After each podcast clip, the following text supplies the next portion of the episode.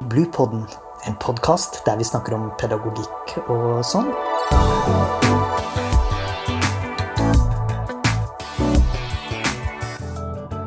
Podkasten er laget av barnehagelærerutdanninga ved Høgskolen på Vestlandet. Velkommen til denne episoden av Bluepodden, hvor vi skal utforske et tema som påvirker oss alle, nemlig temperament. Vi er alle utstyrt med temperament, som er en medfødt disposisjon som påvirker hvordan vi reagerer på ulike situasjoner, sånn som å håndtere følelser, stimuli eller stress. I dag skal vi se nærmere på hva temperament egentlig betyr, og hvordan dette kan arte seg hos barn. Og den jeg skal snakke med om dette, det er eh, Kirsten Flaten, som er dosent i spesialpedagogikk og redaktør av boka Temperament hos små og store barn. Velkommen til deg, Kirsten. Tusen takk, eh, og jeg syns jo du hadde en så god intro at jeg tenker jeg kan jo ikke lære Eivind nok om dette her. Ah, det kan du, skjønner du, for det er, temperament er jo et stort felt. Ja, det er et veldig stort felt, og det er et forskningsfelt som har vært til stede i eh, spesialpedagogikken, pedagogikken, psykologien siden 50-tallet, tidlig 50-tallet, og som eh, alltid har eh, vært der, men det har aldri tatt helt av, iallfall ikke i norske forhold. Men det er et veldig nyttig forståelsesbegrep og det må ikke forveksles med å bare være sint. Jeg så ei overskrift i ei avis i dag om ei dame på 89 som hadde fått hjelp til å håndtere temperamentet sitt, i den forståelse at hun hadde slutta å blitt så sint. Hun hadde fått hjelp til akkurat det. Så tenk oi, oi, oi, det, det var en snever oppfatning av temperament. Men det er jo ofte sånn vi har hatt det på dagligtale. Temperament, har du mye temperament, så er du en hissigpropp. Ja. I psykologisk-pedagogisk forstand, så er det noe, noe helt annet vi snakker om. Ja. I forordet til boka så sier Lars Smith, professor emeritus ved Universitetet i Oslo, at i psykologien så er temperament et nøkkelbegrep for forståelse av forskjeller mellom barn. Hva ligger i dette?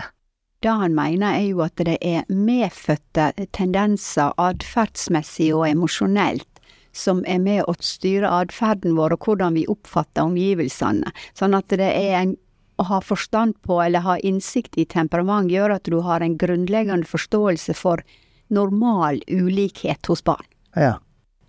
Men, men kan man liksom forstå temperament som en slags arkitektur? Ja, eh, og der syns jeg han eh, Robert Kopland er veldig god. Han sier det at eh, vi, temperament, det er byggeblokkene som, som, vi er som mennesker, og så vil da miljøet være arkitekten som former disse i ulike retninger. Ja. Det er jo en betydelig gjeng av flinke folk fra ditt miljø, altså spesialpedagogikk, som har skrevet denne boka. Hvem, hvem er det du har hatt med deg på dette? Vi har fått med oss et knippe veldig dyktige norske forskere, fra to stykker fra Nasjonalt utviklingssenter for barn og unge, NUBU. Der har vi jo Agathe Bakker Grøndal. Eh, og Ane Nerde, som har bidratt med et kapittel om sjølregulering og eh, temperament, og sett inn i Altså skolemodenhet, for å oversette det veldig direkte. Eh, og så har vi jo med oss nestorene innenfor temperament i Norge. Ann Marie Torgersen. Hun var jo del av dette her miljøet fra tidlig 60-tallet. Og kjenner da eh, altså de, de, som virkelig starta opp med temperamentsforskning. Eh, og hun har da levert et eh, kapittel om eh, eh, historia til temperamentframveksten, både internasjonalt og i Norge. Og så kommer ikke vi utenom Stein Erik Ulvund, som er vel den som har gjort mest på temperament her i Norge. Ehm, blant annet boka 'Rakkerunger og englebarn', som sier noe om ulikheten hos disse barna, altså medfødte ulikheter. Veldig spennende. Så har jeg lyst å trekke fram tre stykker som er veldig nye i dette her, og da er Elise Juve, Synne og Emma Støle Årebukt som da um, leverte en mastergave om temperament, så de leverte da i 2022. Um, to masteroppgaver der de hadde kartlagt temperament hos tredjeklassinger. 103 tredjeklassinger. uh, strekte seg over store deler av Vestlandet, uh, der hun uh, Synne så på hvordan Altså temperament i norsk skole, hvordan ser det ut? Eh, og Emma og Elise så da på hvordan ser temperament ut når du ser på kjønnsmessige forskjeller. Det er vel en av de største kartleggingsstudiene som har vært gjort på temperament i Norge, og det er gjort av HVL-studenter. Jeg er veldig stolt av dem. Ja. Og så er det jo deg, da. Ja, nå må jeg jo si at ideen til boka var Kåre Olafsen, som òg var en merittert temperamentsforsker, hadde fått internasjonale berømmelse for det arbeidet han hadde gjort. Og han hadde ideen, spurte Kirsten kan vi sette oss ned og skrive ei bok om temperament. Trekke inn andre forskere, og jeg sa ja, det skal vi gjøre. Og så dør jo han ganske tidlig i prosessen, så boka ble fullført som, som en heder til han, og jeg vil ikke ha æra for Det har vært et spennende arbeid. Veldig spennende å få lov å være redaktør. Ja. Du, eh, definisjonen av temperament, det er jo ikke én, det er flere. Et temperament i seg sjøl er et konsept som beskriver normal atferd og normal variasjon i atferd, for vi er jo ikke like uansett hvor du vrir det. Uh, og dette her, altså temperament tenker jo på medfødte forskjeller i mm. emosjonell reaktivitet, uh, og som igjen styrer atferd. Uh, og det vi kan kontrollere som pedagoger, det er miljøet. Er det godt for et barn å være der, eller er hverdagen en eneste lang tilpasning til miljøet? Kan tenke deg et barn med høy ekstrovert atferd, eller høy, høy ekstroversjon, som du kan måle i temperament Altså, hvis de hele dagen skal sitte i ro og perle og snakke med innestemme og bevege seg veldig kontrollert, så går det um, ja, jeg skal gi en fireåring en halv time jeg, før mm. de virkelig går i taket. Det, det, det er å jobbe mot naturen. Mm. Og på samme måte når du har disse mer forsiktige barna som trives best når de um, kan få holde på med ting over tid.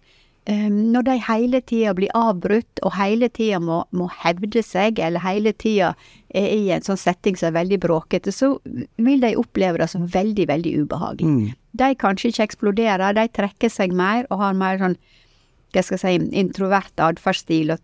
For dem er det like vondt som for disse her som eksploderer, som vi ser. Mm. Så miljøet trenger å ta dette her inn over seg. Kan man, kan man endre temperament? Vet du hva, det drar et knallgodt spørsmål. Du kan, du kan vel ikke endre den genetiske utrustninga i en person, men du kan endre omgivelsene. Eh, sånn at du eh, forsterker eller forminsker eh, utfallet av et temperament. Mm -hmm.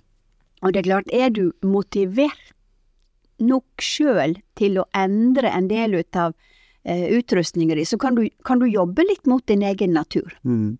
Jeg gjør det når det gjelder å være utålmodig. Mm -hmm. For jeg er grunnleggende utålmodig, sånn at jeg er nødt til å stoppe meg sjøl av og til når jeg har lyst til å bare spurte av sted, få gjort ting, ikke vente lenger. Så tenker jeg, vet du hva Kirsten, du har et problem, og det er ditt. Det er ikke plag verden med det. Pust med magen, og sett deg ned. Men da er vi inne på selvregulering. Ja, så temperament og selvregulering, de mm. kan være litt sånn motvirkende faktor, eller i hvert fall en selvregulering kan være en korrigerende faktor på et temperament.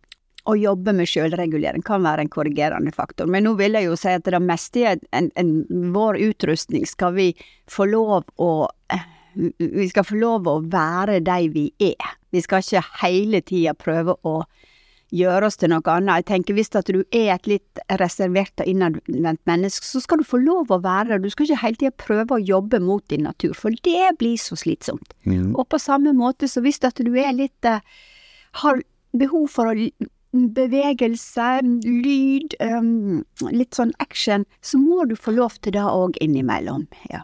Men uh, det skal være nivå som er innafor det miljøet tåler. Mm. Eh, og miljø kan vi endre på. Um, personlighet skal vi være forsiktig med å prøve å endre. Mm. Temperament og personlighet, det er ikke det samme, men det kan tilhøre mye av det samme, eller? Eh, en kaller vel temperament for grunnleggeren for personlighet. Ok. Ja. For personlighet er større enn temperament. Temperament er grunnleggende medfødt. Temperament og læring, da? Da står det en god del om i boka, og det er klart der har vi Du, du har disse der som er litt innadvendte og reserverte og litt eh, forsiktige. De tar gjerne inn over seg vansken med alt mulig og kan gi opp på grunn av det, mens de som er utadvendte tar aldri tilbakemeldinger som sier dette her må du regulere, dette her må du justere. Det sitter ikke så godt i hodet på dem. Sånn at de durer på enten det er rett eller gale, mens de andre som er litt forsiktige, de stopper opp og prøver ikke i det hele tatt. Mm -hmm. Så vi ser jo det. Og så den der kontakten med læreren er jo kjempeviktig oppi dette her. Og det er klart, har du en lærer som syns det er ok med litt sånn viltre unger, så kan det gå veldig bra med de utadvendte, men da misser de litt de forsiktige og reserverte av syne. Mm -hmm. Ja. Den gamle definisjonen på temperament, det da opererte man jo med noe sånne den salvinske temperament og melankolsk og kolerisk og flegmatisk. Det er jo for så vidt begreper som vi kjenner igjen i språket vårt, men, men jeg tipper at ikke det er da gangbare kategorier for forståelse av moderne temperament. Så kan du si noe om noen sånne hovedkategorier av temperament som vi har i dag? Ja. Jeg syns jo det er litt gøy med disse kategoriene, for det viser jo at siden tidenes historie så har vi prøvd å kategorisere andre. Vi er ikke like glad i å bli kategoriserte sjøl. Men når det gjelder temperamentskategorier, så har vi jo den, den hovedkategorien, altså den easy to care for. Altså enkle, greie folk, eller barn, voksne òg for den del, voksne òg har et temperament. Um, enkle greier, sånn som tilpasser seg um, og, og, klarer å hevde seg. Altså 70 av, av um, befolkningen regner vi med innenfor dem, som er greit nok. Det betyr ikke at en alltid er sint, det betyr ikke at en alltid er glad, det betyr ikke at hver dag ler en veldig mye, men det betyr at det stort sett så går det bra. Men så har vi da 30% som vi fordeler på 15 på hver side av, eller utafor disse her enkle barna.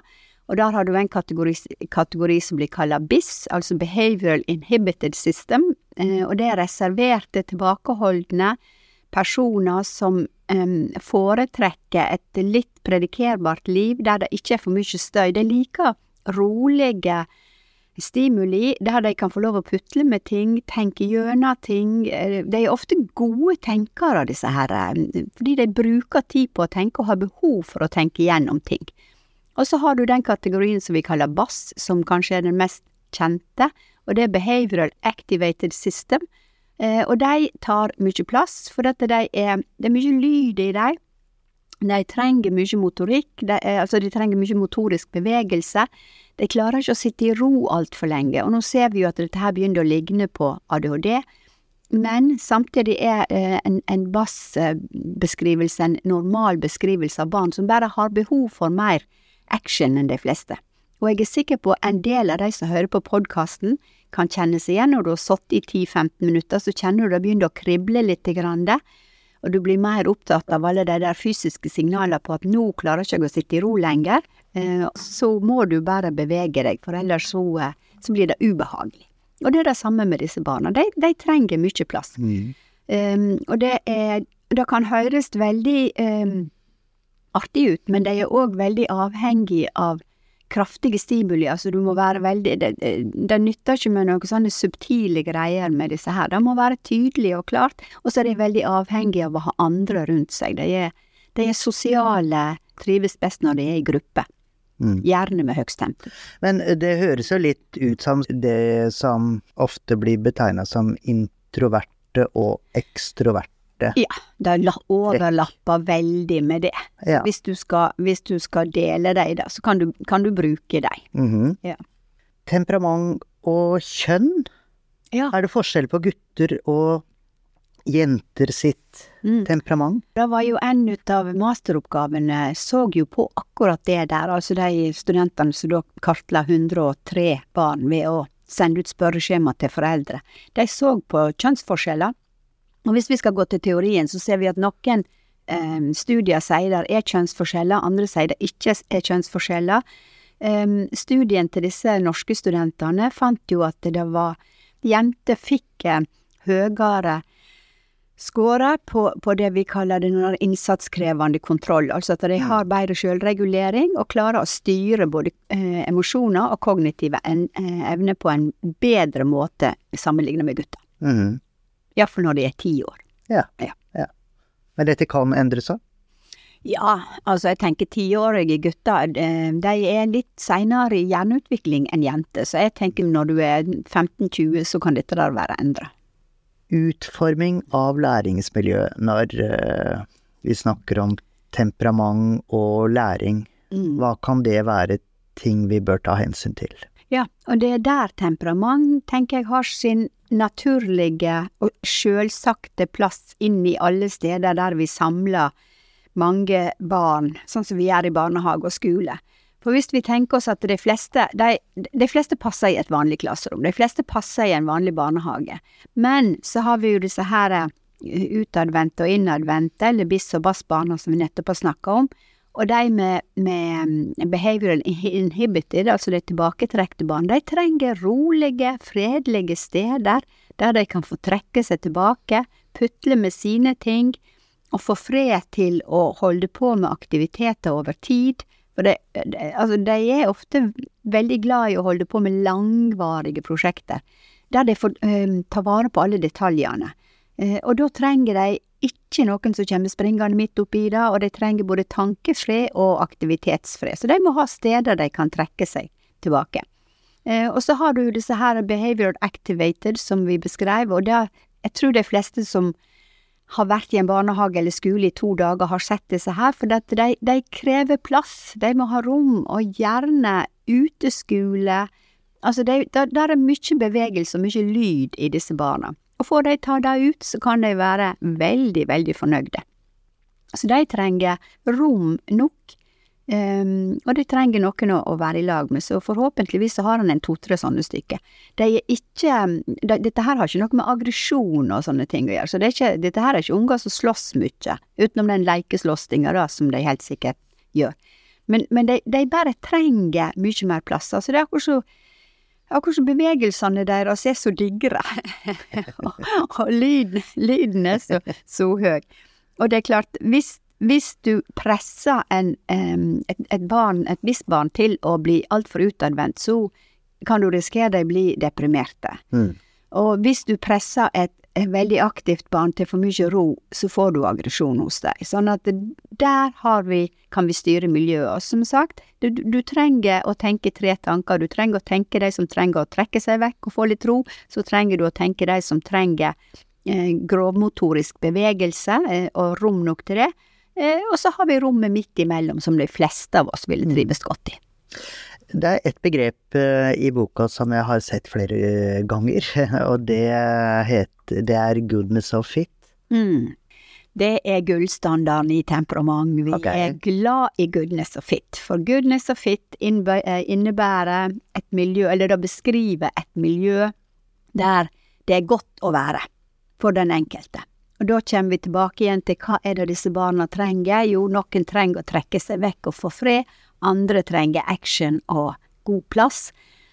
Og når du er i et miljø som passer deg temperamentsmessig, så eh, Altså, en ting er at det er veldig godt for den psykiske helsa di, men du får òg en sånn følelse av å bli forstått, eh, av å ha det bra der du er. Mm. Og det er en god følelse.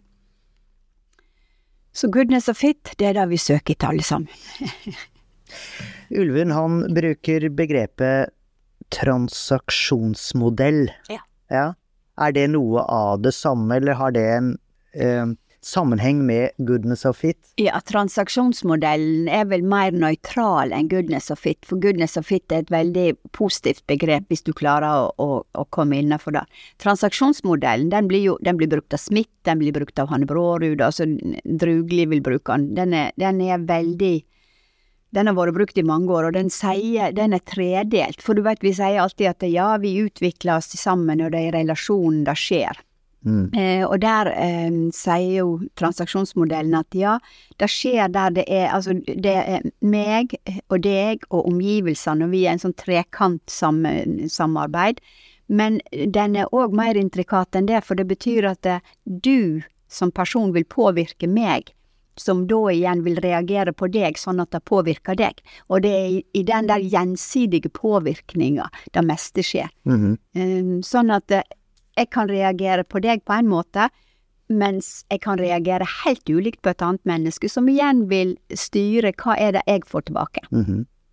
Da, Da blir, jeg jeg syns den er kjempeinteressant, men den sier jo òg noe om hvor komplisert dette her faktisk er. Ja. Men du, eh, eh, disse tre masterstudentene, de gjorde en undersøkelse med noen kategorier som var ekstroversjon, Ja. negativ affektivitet og innsatskrevende kontroll. Ja. Det var tre nøkkelbegreper. Innenfor, uh, innenfor temperament, ja. Ja. Um, kartleggingsskjema som de valgte å bruke, kartlegge akkurat disse tre, Mm -hmm. uh, spesielt med tanke på læring. Eh, For der, er- altså som sagt, jenter har, eller jenter i denne studien, fikk mye høyere score på innsatskrevende kontroll, og det ligger i navnet. Altså de klarer å styre seg litt, selv om det er kjedelig, så jobber de. Em, De tar tak i det som skal gjøres, og får det gjort. Mm.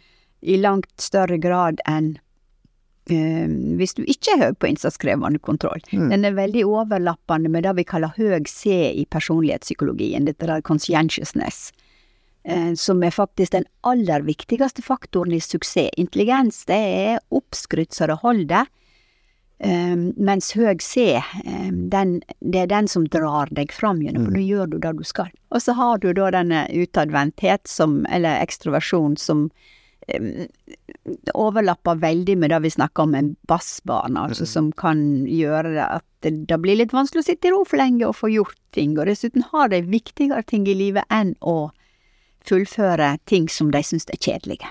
Det er, og det, det er ikke alltid like lurt i skolen. Og så har du da eh, den høg N, som overlapper veldig med personlighetspsykologien sin nevrotisisme, Det var den negativitet. negativitet. Ja. Ja, som Der du er Igjen dette med at du er litt på utkikk etter hva er det som er ubehagelig her, hva, hva gjør at jeg blir ukomfortabel, hva er, hva er tegn på at jeg At dette her ikke er helt bra. Trives dårlig. Trives dårlig. Ja. Mhm. Eh, Kan gjøre det hvis ikke de Du må jobbe litt for å legge til rette for at de skal ha det bra. Mhm. Ja. Temperament, det er arvbart. Ja. På samme måte som hårfarge og øyenfarge og sånne ting. Mhm. Ja, vi regner med at det er grunnleggende arvbart. Men eh, det betyr ikke at du behøver være identisk med foreldrene dine. Og da får vi litt problem, eller da kan det bli vanskelig i familien. For tenk deg at du har et veldig utadvendt forelder, og så får de et veldig innadvendt barn. Eller omvendt. Og jeg har truffet begge deler. Og det er ikke godt for forelderen, og det er ikke godt for barna. Fordi det blir det blir så grunnleggende forskjellig at de skjønner eh, Foreldrene har da litt vanskelig for å skjønne barna sine behov. Mhm. Ja. Og det, det er Og det er ikke godt for foreldre heller. Det- De er grunnleggende opptatt av at barna skal ha det bra, men det, det er klart, når, det blir så, de blir så ulike, så Um, altså valg av aktiviteter, um, interaksjon um, det, det blir sånn mismatch, og da, får vi ikke god goodness of it. mm. Og de foreldra trenger gjerne Kan godt lese Ulmunds i bok 'Englebarn eller rakkerunger', som handler om temperament. Mhm. Hvis du skulle oppsummere noe du tenker lytterne skal sitte igjen med når de har eh, hørt på oss og kanskje sett litt på boka, Mm. hva kunne de tingene være? Da vil jeg først av alt si at dette her, eh, når du har barn som er veldig sånn biss eller bass, så skal du heller tenke normalitet. Altså dette er normalt for det barnet. Det betyr ikke at ikke vi skal prøve å dra det inn mot uh, gjennomsnittet, men, men vi skal òg tenke at vi jobber litt mot naturen til barnet. Så det skal gå sakte, og det skal gjøres med, med respekt for barnet. Uh, og det aller viktigste er vel gjerne dette med å tenke miljø. Altså hva kan vi styre? Vi kan styre miljøet. Og da er det hvor får de en rolig uh, flekk, de som trenger det? Hvor, hvor godt er det tilrettelagt for at de som trenger å herje og lage masse lyder, får det? Um, og så hvor godt får vi trukket det inn i, eh, i barnegruppa ellers? For, for da, alle trenger en relasjon til den barnegruppa som er, som er i midten. Mhm. Da sier jeg tusen takk, eh, Kirsten. Det har vært en interessant samtale om et eh, veldig spennende tema som vi alle trenger å lære mer om. Ha det bra. Takk. Podkasten er laget av barnehagelærerutdanninga ved Høgskolen på Vestlandet.